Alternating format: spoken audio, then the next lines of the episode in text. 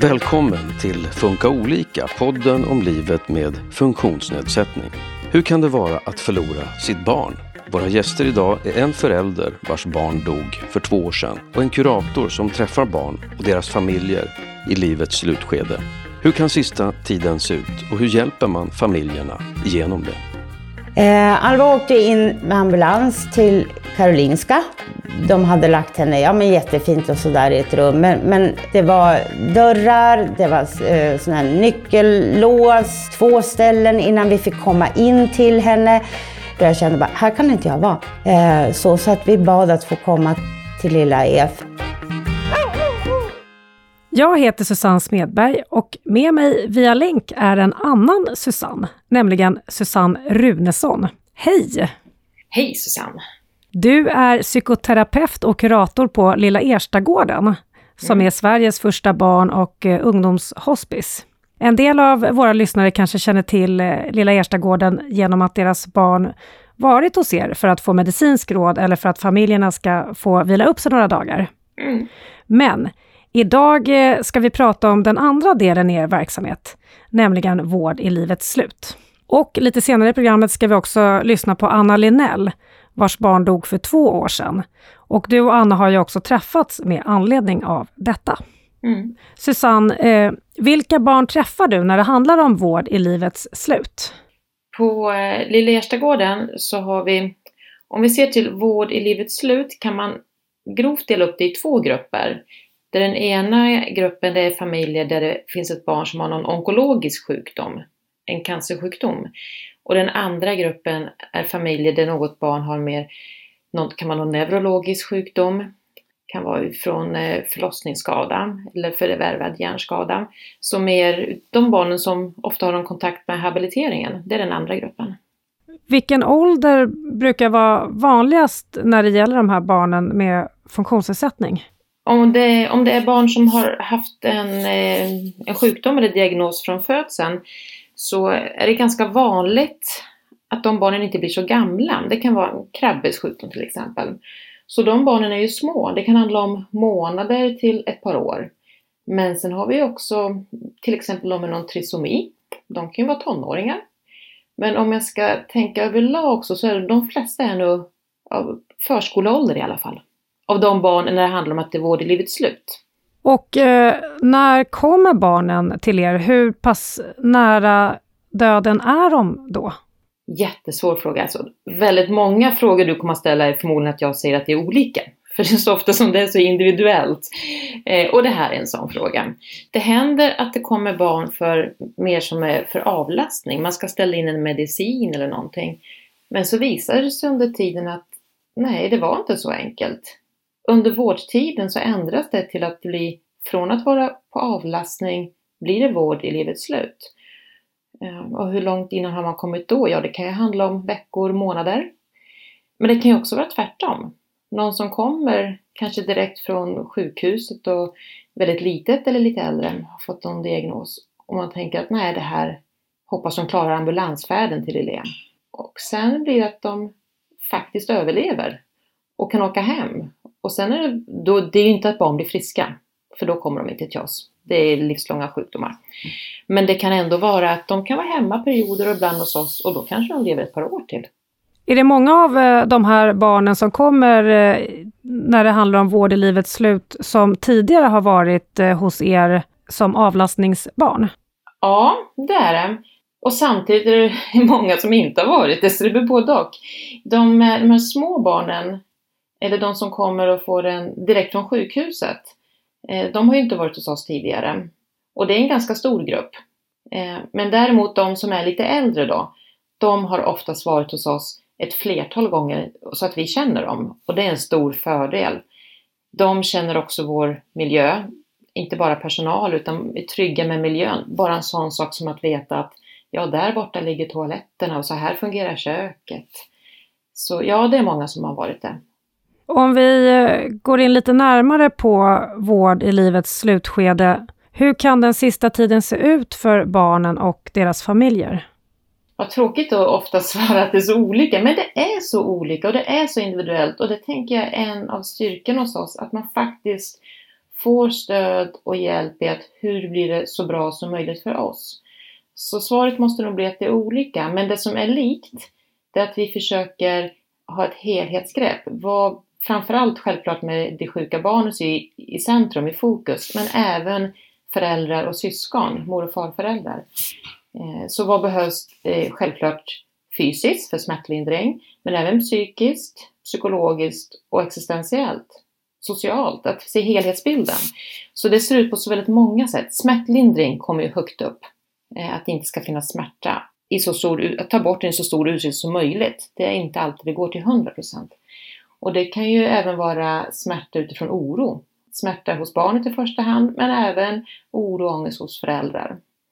Så sista tiden, mycket går åt till att trygga. Smärtlindra och trygga. Hur mycket förstår barnen själva av det som händer kring dem? Ja, det beror ju klart på vilken form av sjukdom barnet har och hur gammalt barnet är. Om det är ett litet spädbarn eller en tonåring ja, och vilken diagnos som sagt. Men jag tror att även små barn kan förstå, men då kanske förstå utifrån känsla. Hur trygga är föräldrarna? Är det föräldrar som eh, klarar av eller orkar eller får hjälp med att orka att sitta med sitt allvarligt sjuka barn, döende barn eh, och ha den närheten så att barnet kan bli tryggt. Då känner ju barnet den tryggheten även om det inte kognitivt kan förstå. Vi måste ha stor respekt och ödmjukhet för att varje individ förstår och känner av utifrån sin situation. Är det något som är viktigt för föräldrarna att hinna med i det här skedet? Om det är barn som har varit eh, friskare innan, eller till och med helt friska innan, då kanske man redan har hunnit med att göra många saker. om barnet är äldre. Ett yngre barn, eller som alltid har varit sjukt, det blir lite olika saker att hinna med. Man kanske vill hinna med att ta vissa foton om man inte har gjort det. Medan om det är en tonåring så finns det gott om bilder. Det kanske är att eh, få bilder. Om barnet har varit sjukt och väldigt litet, bara varit på sjukhus, inte bott hemma, då kan det vara viktigt att få lite bilder eller att syskon får vara med och uppleva saker utanför sjukhusmiljö. Ut och grilla korv tillsammans och kanske kunna ha med någon personal. Att få, göra, att få minnas fler saker än sjukhusmiljö. Ehm, skapa minnen är ju viktigt. Det var ju lite där. Det kan vara minnen som är eh, ihop med andra människor eller ehm, familjevis. Eh, vi brukar, en sak som är bra det är att man kan tänka att, att man faktiskt kan få, även på, på Lillerstaåren då så kan man, det är ju inte hemma, men man får göra om det till tillfälligt hemma eller nu hemma och då bjuda dit vänner, att man kan vara där som familj. Eh, bjuda dit vänner och framförallt om det är små barn som inte har varit på sjukhus mycket, då är det ju många som inte hunnit träffa barnet. Så vi, personalen, kan ju bli nästan vittnen till att faktiskt barnet har funnits, för det är så få som har träffat det. Så då tycker jag det är viktigt att våga bjuda dit ja, släktingar, vänner och så det är viktigt att hinna med att barnet får vara en del i familjen, att man har minnen efteråt. Är det något särskilt som föräldrarna brukar behöva prata om i det här skedet? Jag tycker att det är viktigt att få, få en del i vara en del av sammanhanget, vara delaktig. Och för det behöver man ju kunskap. Så jag brukar alltid försöka, i den mån föräldrarna är mottagliga för det, men ge information kring hur blir sista tiden på Lille? Hur länge kan kroppen vara kvar? Eh, vill man ha kistläggning eller inte? Att tänka på vilka kläder ska man klä på barnet efter att det har dött? Så att de kläderna faktiskt finns på Lilla E. Så är det viktigt att prata om förberedelsesaker, men samtidigt tänka att det är väldigt viktigt tycker jag att få vara i livet. Så om man en, lit, en mindre del får vara i det här svåra och döden kan man en större del fortsätta att vara i livet på ett annat sätt än om barnet skulle vara friskt, det klart. Men ändå få uppleva livet så länge det finns. Men för att det ska vara möjligt tror jag man behöver hjälp med att få vara i de svåra frågorna och i döds, dödsfrågorna om man säger, en liten stund. Och eh, när barnet väl dör, vad händer då? Konkret, rent så här, praktiskt, det som händer är att eh, kroppen ska tvättas, göras fin, kläs på de kläderna. Eh, man har eh, ungefär en dag som barnet, som kroppen, kan vara kvar på Lilla E. Eh, det oftast brukar det vara kortare. Men det, det är de, visst, man stressar inte men samtidigt inte drar ut på det för det är väldigt smärtsamt att vara kvar kring det döda barnet. Sen kommer kroppen efteråt att när den har lämnat lilla hjärtan så förvaras den äldre på, på ett sjukhus, på bårhuset, eller om man haft kistläggning vid en kyrkogård, bisättningslokal. Och vad händer mer? Ja, det är ju självklart eh, samtal med läkare, med personal, samla ihop och det kommer andra närstående som också kan behöva... Ibland är det ju att de bara vill vara själva tillsammans och vi personalen servar med att det finns kaffe och att rummen finns och näsdukarna och så. Och ibland är det att vi ska också vara med till viss del. Att syskon kan eh, ja, men rita någonting, pyssla något och lägga ner i kistan. Att få vara delaktiga i den mån som är lagom för dem. Så det, ja, delaktighet. Klarar alla av att eh, vara nära eller se en död kropp på det här sättet? Min önskan och min tro och erfarenhet också, det är nog att ja, jag skulle säga att alla klarar det med rätt stöd. Det finns kanske undantag, men jag kommer inte på något faktiskt, så då måste jag nog säga alla. Eh, och det, ofta får vi frågan, hur är det med syskon? Ska de se det döda barnet? Och ja, med tillräckligt trygg miljö, att föräldrarna, som det oftast är, är tillräckligt trygga, eller ta hjälp av personal. Och det kanske inte är att man måste vara framme och krama och klappa. Det kanske räcker att stå i dörröppningen. Eller att få ha ritat sin teckning och lägga den vid fotändan. Men eh, med, med den trygga miljön, tillräckligt trygga miljön, så tror jag att alla klarar det. Och jag tror, det är min övertygelse om, att får man vara delaktig så, eh, så har man med sig det efteråt. Men det kan vara viktigt att eh, liksom ändå våga ta del av kroppen så att säga, för sorgarbetet eller? Jag tror inte det är nödvändigt att man har sett eller känt på den döda kroppen, verkligen inte. Men jag tror det är nödvändigt, eller det underlättar om man har fått vara delaktig. Men absolut sedd utifrån vad jag själv orkar. Så man kan inte tvinga på att just så här ska du vara delaktig. Men på något sätt utifrån vad som passar just dig. Ja. En förälder som har förlorat sitt barn, som du också har träffat Susanne, är Anna Linell. Hennes eh, dotter Alva dog för två år sedan, då 16 år gammal. Hon föddes med Edwards syndrom, som är en kromosomavvikelse som leder till flerfunktionsnedsättning. Och du är med oss på video, Anna. Hej! Hej! Du kan väl börja och berätta lite vem Alva var? Um, Alva var en alldeles fantastisk tjej. Livsglad, med humor, eh, som ja, men omfamnade livet utifrån sina förutsättningar. På många sätt var hon ju på sex månaders nivå, annat kanske ett år. Eh, och kunde inte sitta och inte gå och inte äta och sådär. Men älskade livet och tog för sig. Och eh, du fick ju reda på redan när hon föddes att hon inte skulle bli så gammal. Hur eh, hanterade du det där och då? Där och då hanterade jag inte alls. Hela livet rasade samman. Man hamnar i en eh, konstig bubbla, ett vakuum och någonstans där ute där pågår livet, men jag är inte del av det. Blev det något som du kunde hantera sen under hennes livstid, så att säga? Ja, men absolut. Alltså man, man lär sig på något sätt att, att leva med att livet kommer att bli kort. Men att ändå förhålla sig till det. Det finns någonstans i bakhuvudet. Men att se det som är gott och se att ja, men hon lever ju här och nu. Och Alva var ju inte sjuk hela tiden. så. Och när hon väl dog då, vad hände vid det tillfället? Just den dagen, det var första skoldagen efter jullovet. Alva åkte till skolan och var där som vanligt. Skolan har berättat att hon hade en alldeles fantastisk dag. Mycket bättre än på länge. Och hon hade avslutat skoldagen, hon var med sin fröken som hon älskade mest av allt på hela jorden och en assistent som var anställd av skolan som också följt henne sedan hon gick i sex års. Och sen stannade hjärtat helt enkelt. Hur var det för dig när du fick eh, samtal om det? Eh, jag var ju på jobbet och satt i möte. Eh, och min man ringde och sa att nu har de ringt från skolan, vi måste åka in till Karolinska igen, Alva förlorar i syresättning. Och så vet jag att en kollega frågade mig liksom vad det innebar. Och jag, och jag sa, jag är så rädd att hennes hjärta ska stanna. Och sen ringde Alvas pappa igen och säger, de får ingen signal. Sen skrek jag tydligen bara, det kommer inte jag ihåg.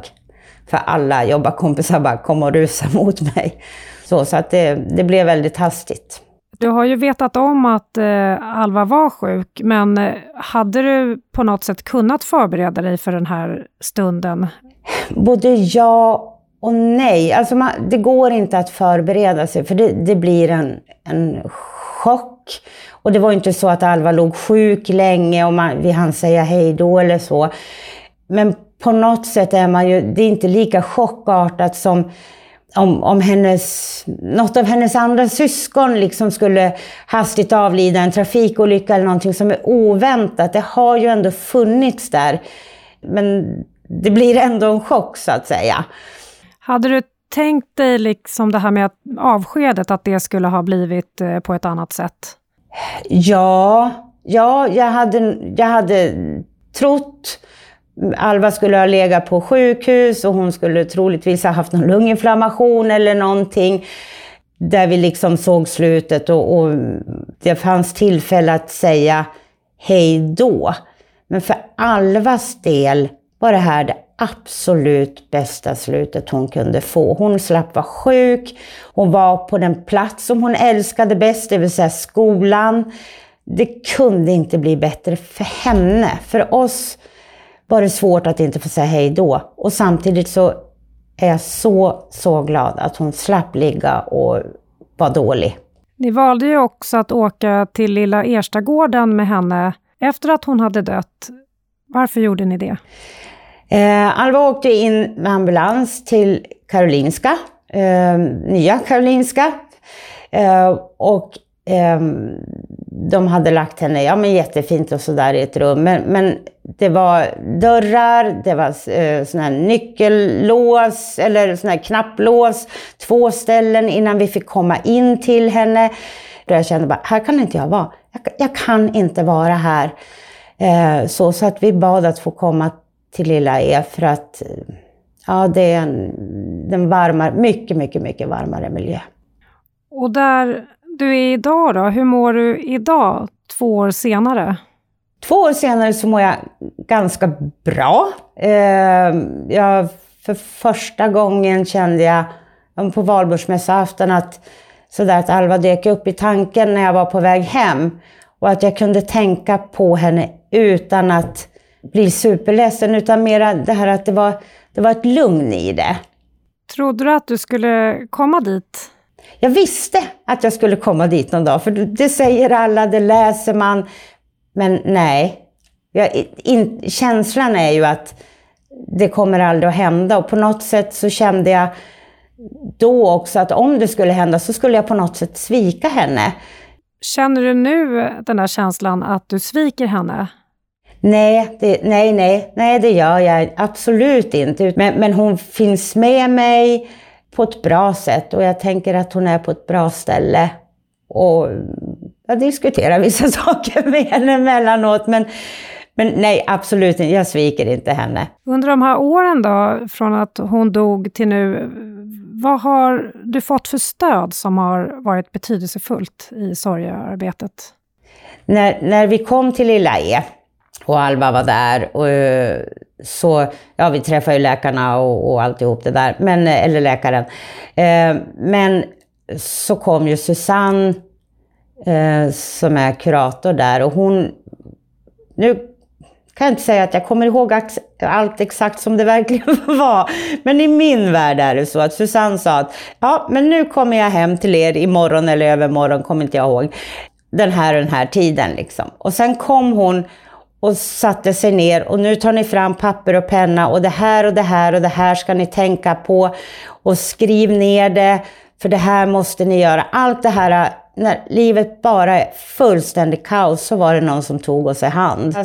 Men också att jag har ju haft kontakt med Susanne i ja, men drygt ett års tid. Högt och lågt. Eh, vi har träffats hemma, vi har träffats vid Alvas grav, vi har pratat om allt allting, både väldigt mycket Alva, hur det känns för mig och så, men också hela familjen runt omkring. För att ingen är ju en ö så att säga. Det, det blir ju påverkan överallt. Så helt ovärderligt stöd. Har du själv eh, gjort något som har varit bra för dig?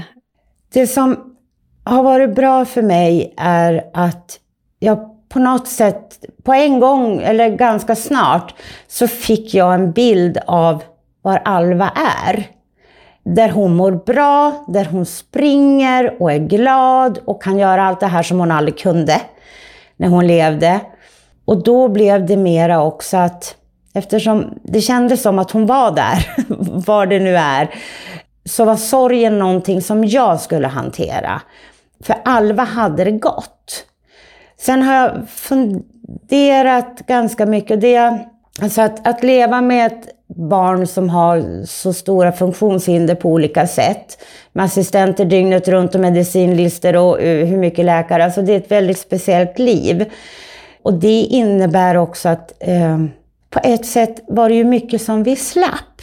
Eh, vi slapp ha den här kontrollen och, och, att leva med assistenter i vårt hem. Och, och det är ganska skönt. Men jag delade upp Alva på något sätt. Alva var Alva och där var det sorg och jag saknar henne som person alldeles, mitt barn, fruktansvärt. Men allt det här andra, de jobbiga bitarna så att säga, de plockade jag bort från henne för det var inte hon på något sätt. Det var ju allt det här runt omkring. Så att, att jag kunde faktiskt också känna att ja, men idag sitter jag och äter frukost utan assistent och det är väldigt, väldigt, väldigt skönt. Har du någonsin haft dåligt samvete för att du har tänkt så? Nej, jag har inte det. Just för att jag kunde dela upp Alva. För man måste få känna att det är skönt att inte behöva ha hur mycket mediciner som helst och syrgas och mätare och ja men allt. Och eh, om eh, man tänker på föräldrar som är där du var för två år sedan, finns det något eh, trösterikt du kan säga till dem? Nej, det gör inte det. Jag kan inte säga, jag kan inte ge tröst. Eh, förutom att ja, det blir bättre med tiden, men det, det känns ju inte så då. Nej, det, det, det, är bara fullständigt, fullständigt fruktansvärt och hemskt. Jag kan bara säga, det här har hjälpt mig. Men om det, det är inget råd eller någonting, för det finns inga råd att ge. Jag tänker att, att ha någon att hålla i handen, för mig har det hjälpt mycket. Jag har pratat mycket med, med vänner, eh, tagit hjälp av Susanne, lyssnat på musik eh, och också på något sätt varit tvungen att fungera. Jag har brutit ihop totalt och fullständigt många, många gånger och, och, i början kanske varannan timme. Men, men däremot har jag varit tvungen eftersom hon eh, på något sätt funkar lite grann eftersom hennes brorsa bodde hemma och han klarade inte av att jag var ledsen helt enkelt. Och det har nog också hjälpt mig, tänker jag, att hit, försöka att hitta lite vardag. Även om, även om man inte är där så ändå att bara, bara göra. Men det är inget råd, utan det är mer så här har jag gjort. Där säger jag stort tack till dig, Anna Linell, för att du ville vara med och prata med oss. Tack själva. Vad tänker du Susanne när du hör Anna? Jag sitter ju med ett leende på läpparna och blir så glad när hon berättar om, om Valborg där, hur hon kunde tänka på allvar och känna den här, ja, hur hon nu beskrev det, den här glädjen och ja, saknaden finns klart kvar, den ska väl alltid finnas, men att hon har kommit dit. Men det känns, jag blir glad när jag hör Anna berätta. Men hur, hur kan det se ut för de du har kontakt med efter ett år? Vad brukar de vara då när det gäller sorg? Om det är så att det är någon, och det kan ju vara tidigare med, där jag märker att nej men det här behövs mer utifrån ja, men psykiatri eller något mer än vad jag kan ge, för jag har ju ändå en stödsamtalsfunktion men det är inte så djupgående. Även om det är väldigt djupt, det är klart. Då försöker jag hjälpa dem att, att komma till den andra instansen då. Och det kan ju även vara vid ett avslut med oss, att man faktiskt behöver förlängning med något annat. Men de flesta, i princip alla skulle jag säga, har kommit så pass långt, om man nu kan uttrycka det så, att det stöd man har i livet med vänner och det, det system vi alla lever i, att man faktiskt inte är en ö, som Anna sa, att det är där man är då och det är det som bär. Eh, men ändå som, som Anna sa, det, att ja, ett år till tog det innan hon kände den här förändringen, om man säger vändningen. Och eh, om man tänker då när barnet precis har dött, vad brukar vara svårast eh, vid den tiden? Ett svårt steg, ett väldigt känslosamt tillfälle, det är just när kroppen lämnar Lilla Erstagården. För det är så definitivt, det är sista gången man kan röra barnet, eller röra kroppen. Eh, vad är, ja, sen tänker jag nog faktiskt att det är, eh, det är ju in, även om man visste att barnet var döende så är det, det går inte att förbereda, veta hur man ska känna och må. Så det är, en, det är någon som rycker mattan. Eller något som rycker mattan. Och samtidigt så har man att ta tag i begravning. Och är det fler i familjen, syskon, så har man att faktiskt fortsätta att fungera. Och man har det att ordna upp med alla hjälpmedel hemma om det finns sånt. Så det är nog en, ett virrar. Det är både praktiska saker och även att man eh, kan behöva prata med någon. Absolut, det är både och. Och ibland inte prata. Bara få dela med någon.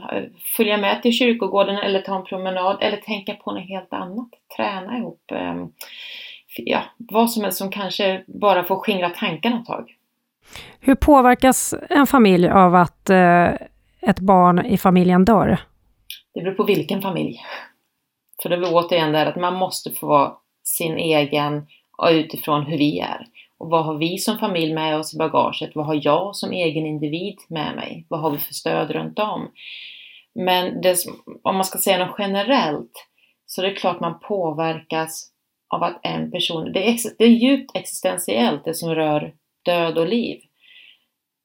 Och ska vara så det är väl rimligt att man stannar upp och på ett eller annat sätt, tänk, beroende på mognad och så vidare, klart om det är barn eller vuxen, men stannar upp kanske kring sin egen död. Om man tar det här med grav. Ska barnet ha, finns det en familjegrav? Om det inte finns, ska det vara något för oss andra som lever också? Eller vill vi ha en grav? Eh, vi kommer inte från den här stan kanske. Tänk om vi flyttar. Vi kan inte flytta från vårt barn som ligger i en grav. Så det, det existentiella och döden rör på så många plan. Omgivningen då? Finns det något sätt man som omgivning kan stödja i en sån här situation? Absolut. Jag tror att omgivningen ska frambringa allt mod de har, för det krävs mod att stötta och gå in i, i de här äh, darriga områdena. Och det är svårt att säga hur, eftersom vi återigen är individer. Men ett, eh, något som jag tycker jag hör från många familjer, det är att det är skönt när andra säger jag kan göra det här och som då förslag på att handla, eh, skjutsa andra barn till fotbollsträning, att man kommer med konkreta förslag. Jag har tänkt, eh, eller kanske inte ens att jag har tänkt, jag har lagat lasagne, jag kommer med den till dig nu. Mer sådana här konkreta och praktiska saker än det här, säg till om du vill någonting. För det kan vara svårt att säga till. Anna var ju inne på det lite grann, att eh, hon också eh, kunde tänka att det kanske var skönt för Alva att eh, slippa ha ont och leva med mediciner och sådär. Eh, finns det situationer där man ändå kan känna att det är bra eller skönt att barnet dog? Om du förstår vad jag menar? Mm, jag förstår. Eh, jag kan säga att redan innan, när barnet fortfarande lever, är det väldigt tungt, kanske både fyllt av skuld och skam för föräldrar att önska att barnet, inte att barnet ska dö, men att det ska sluta lida och då innebär det att det dör. Så ja, det blir ju det.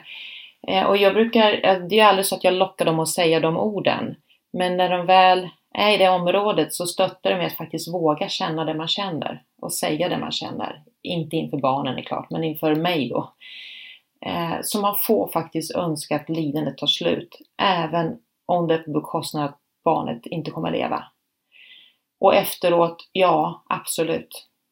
Det finns eh, lättnader i familjen när det här lidandet är över. Och det är inte att barnet har dött, det var inte det man ville komma fram till, men man ville att det skulle bli enklare och mindre smärtsamt. Framför allt för barnet som var sjukt, men även faktiskt för, för familjen. Att det är, det är många familjer som eh, både för syskon och för föräldrar lever ett, eh, ett tufft liv. Man, man är ofri för det är mycket att ta hänsyn till och det här med assistenter och så som är fantastiskt att det finns. Men det är ju faktiskt utifrån en besvärlig situation.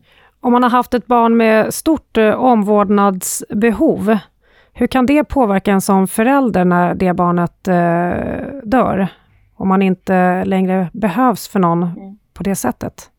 Det är, tycker jag, ganska enkelt att förstå att man kan tappa bort sig själv lite. Vem är jag nu då? Eh, allt ifrån att eh, om det vill säga att det är det enda barnet i familjen, är jag fortfarande förälder nu? Jag har ju inget barn i livet. Och då skulle jag säga ja. Har man väl fött ett barn, då är man förälder jämt. Det går liksom inte att göra ogjort. Eh, men det kan ju också vara det här att vad ska jag använda tiden till? Vad kan jag? Jag, jag kan ju bara det jag kunde nyss och då var det ju att ta hand om mitt barn och ordna med assistenter och allt det här. Så absolut att eh, det kan bli en förvirring av identiteten. Hur kommer man eh, runt det då?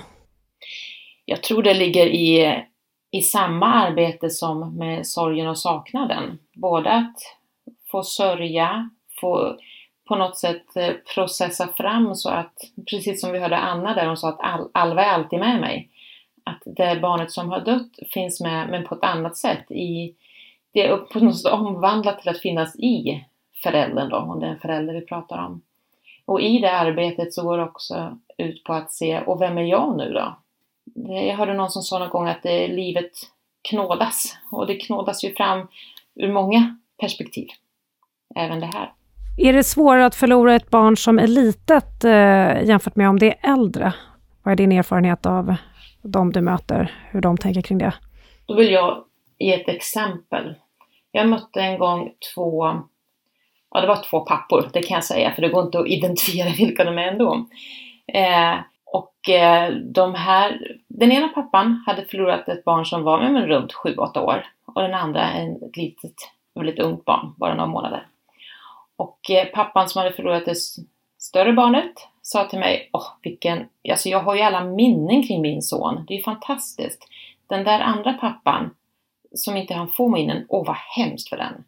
Och du förstår nog vad jag ska säga nu. Den andra pappan sa precis samma sak, men tvärtom då.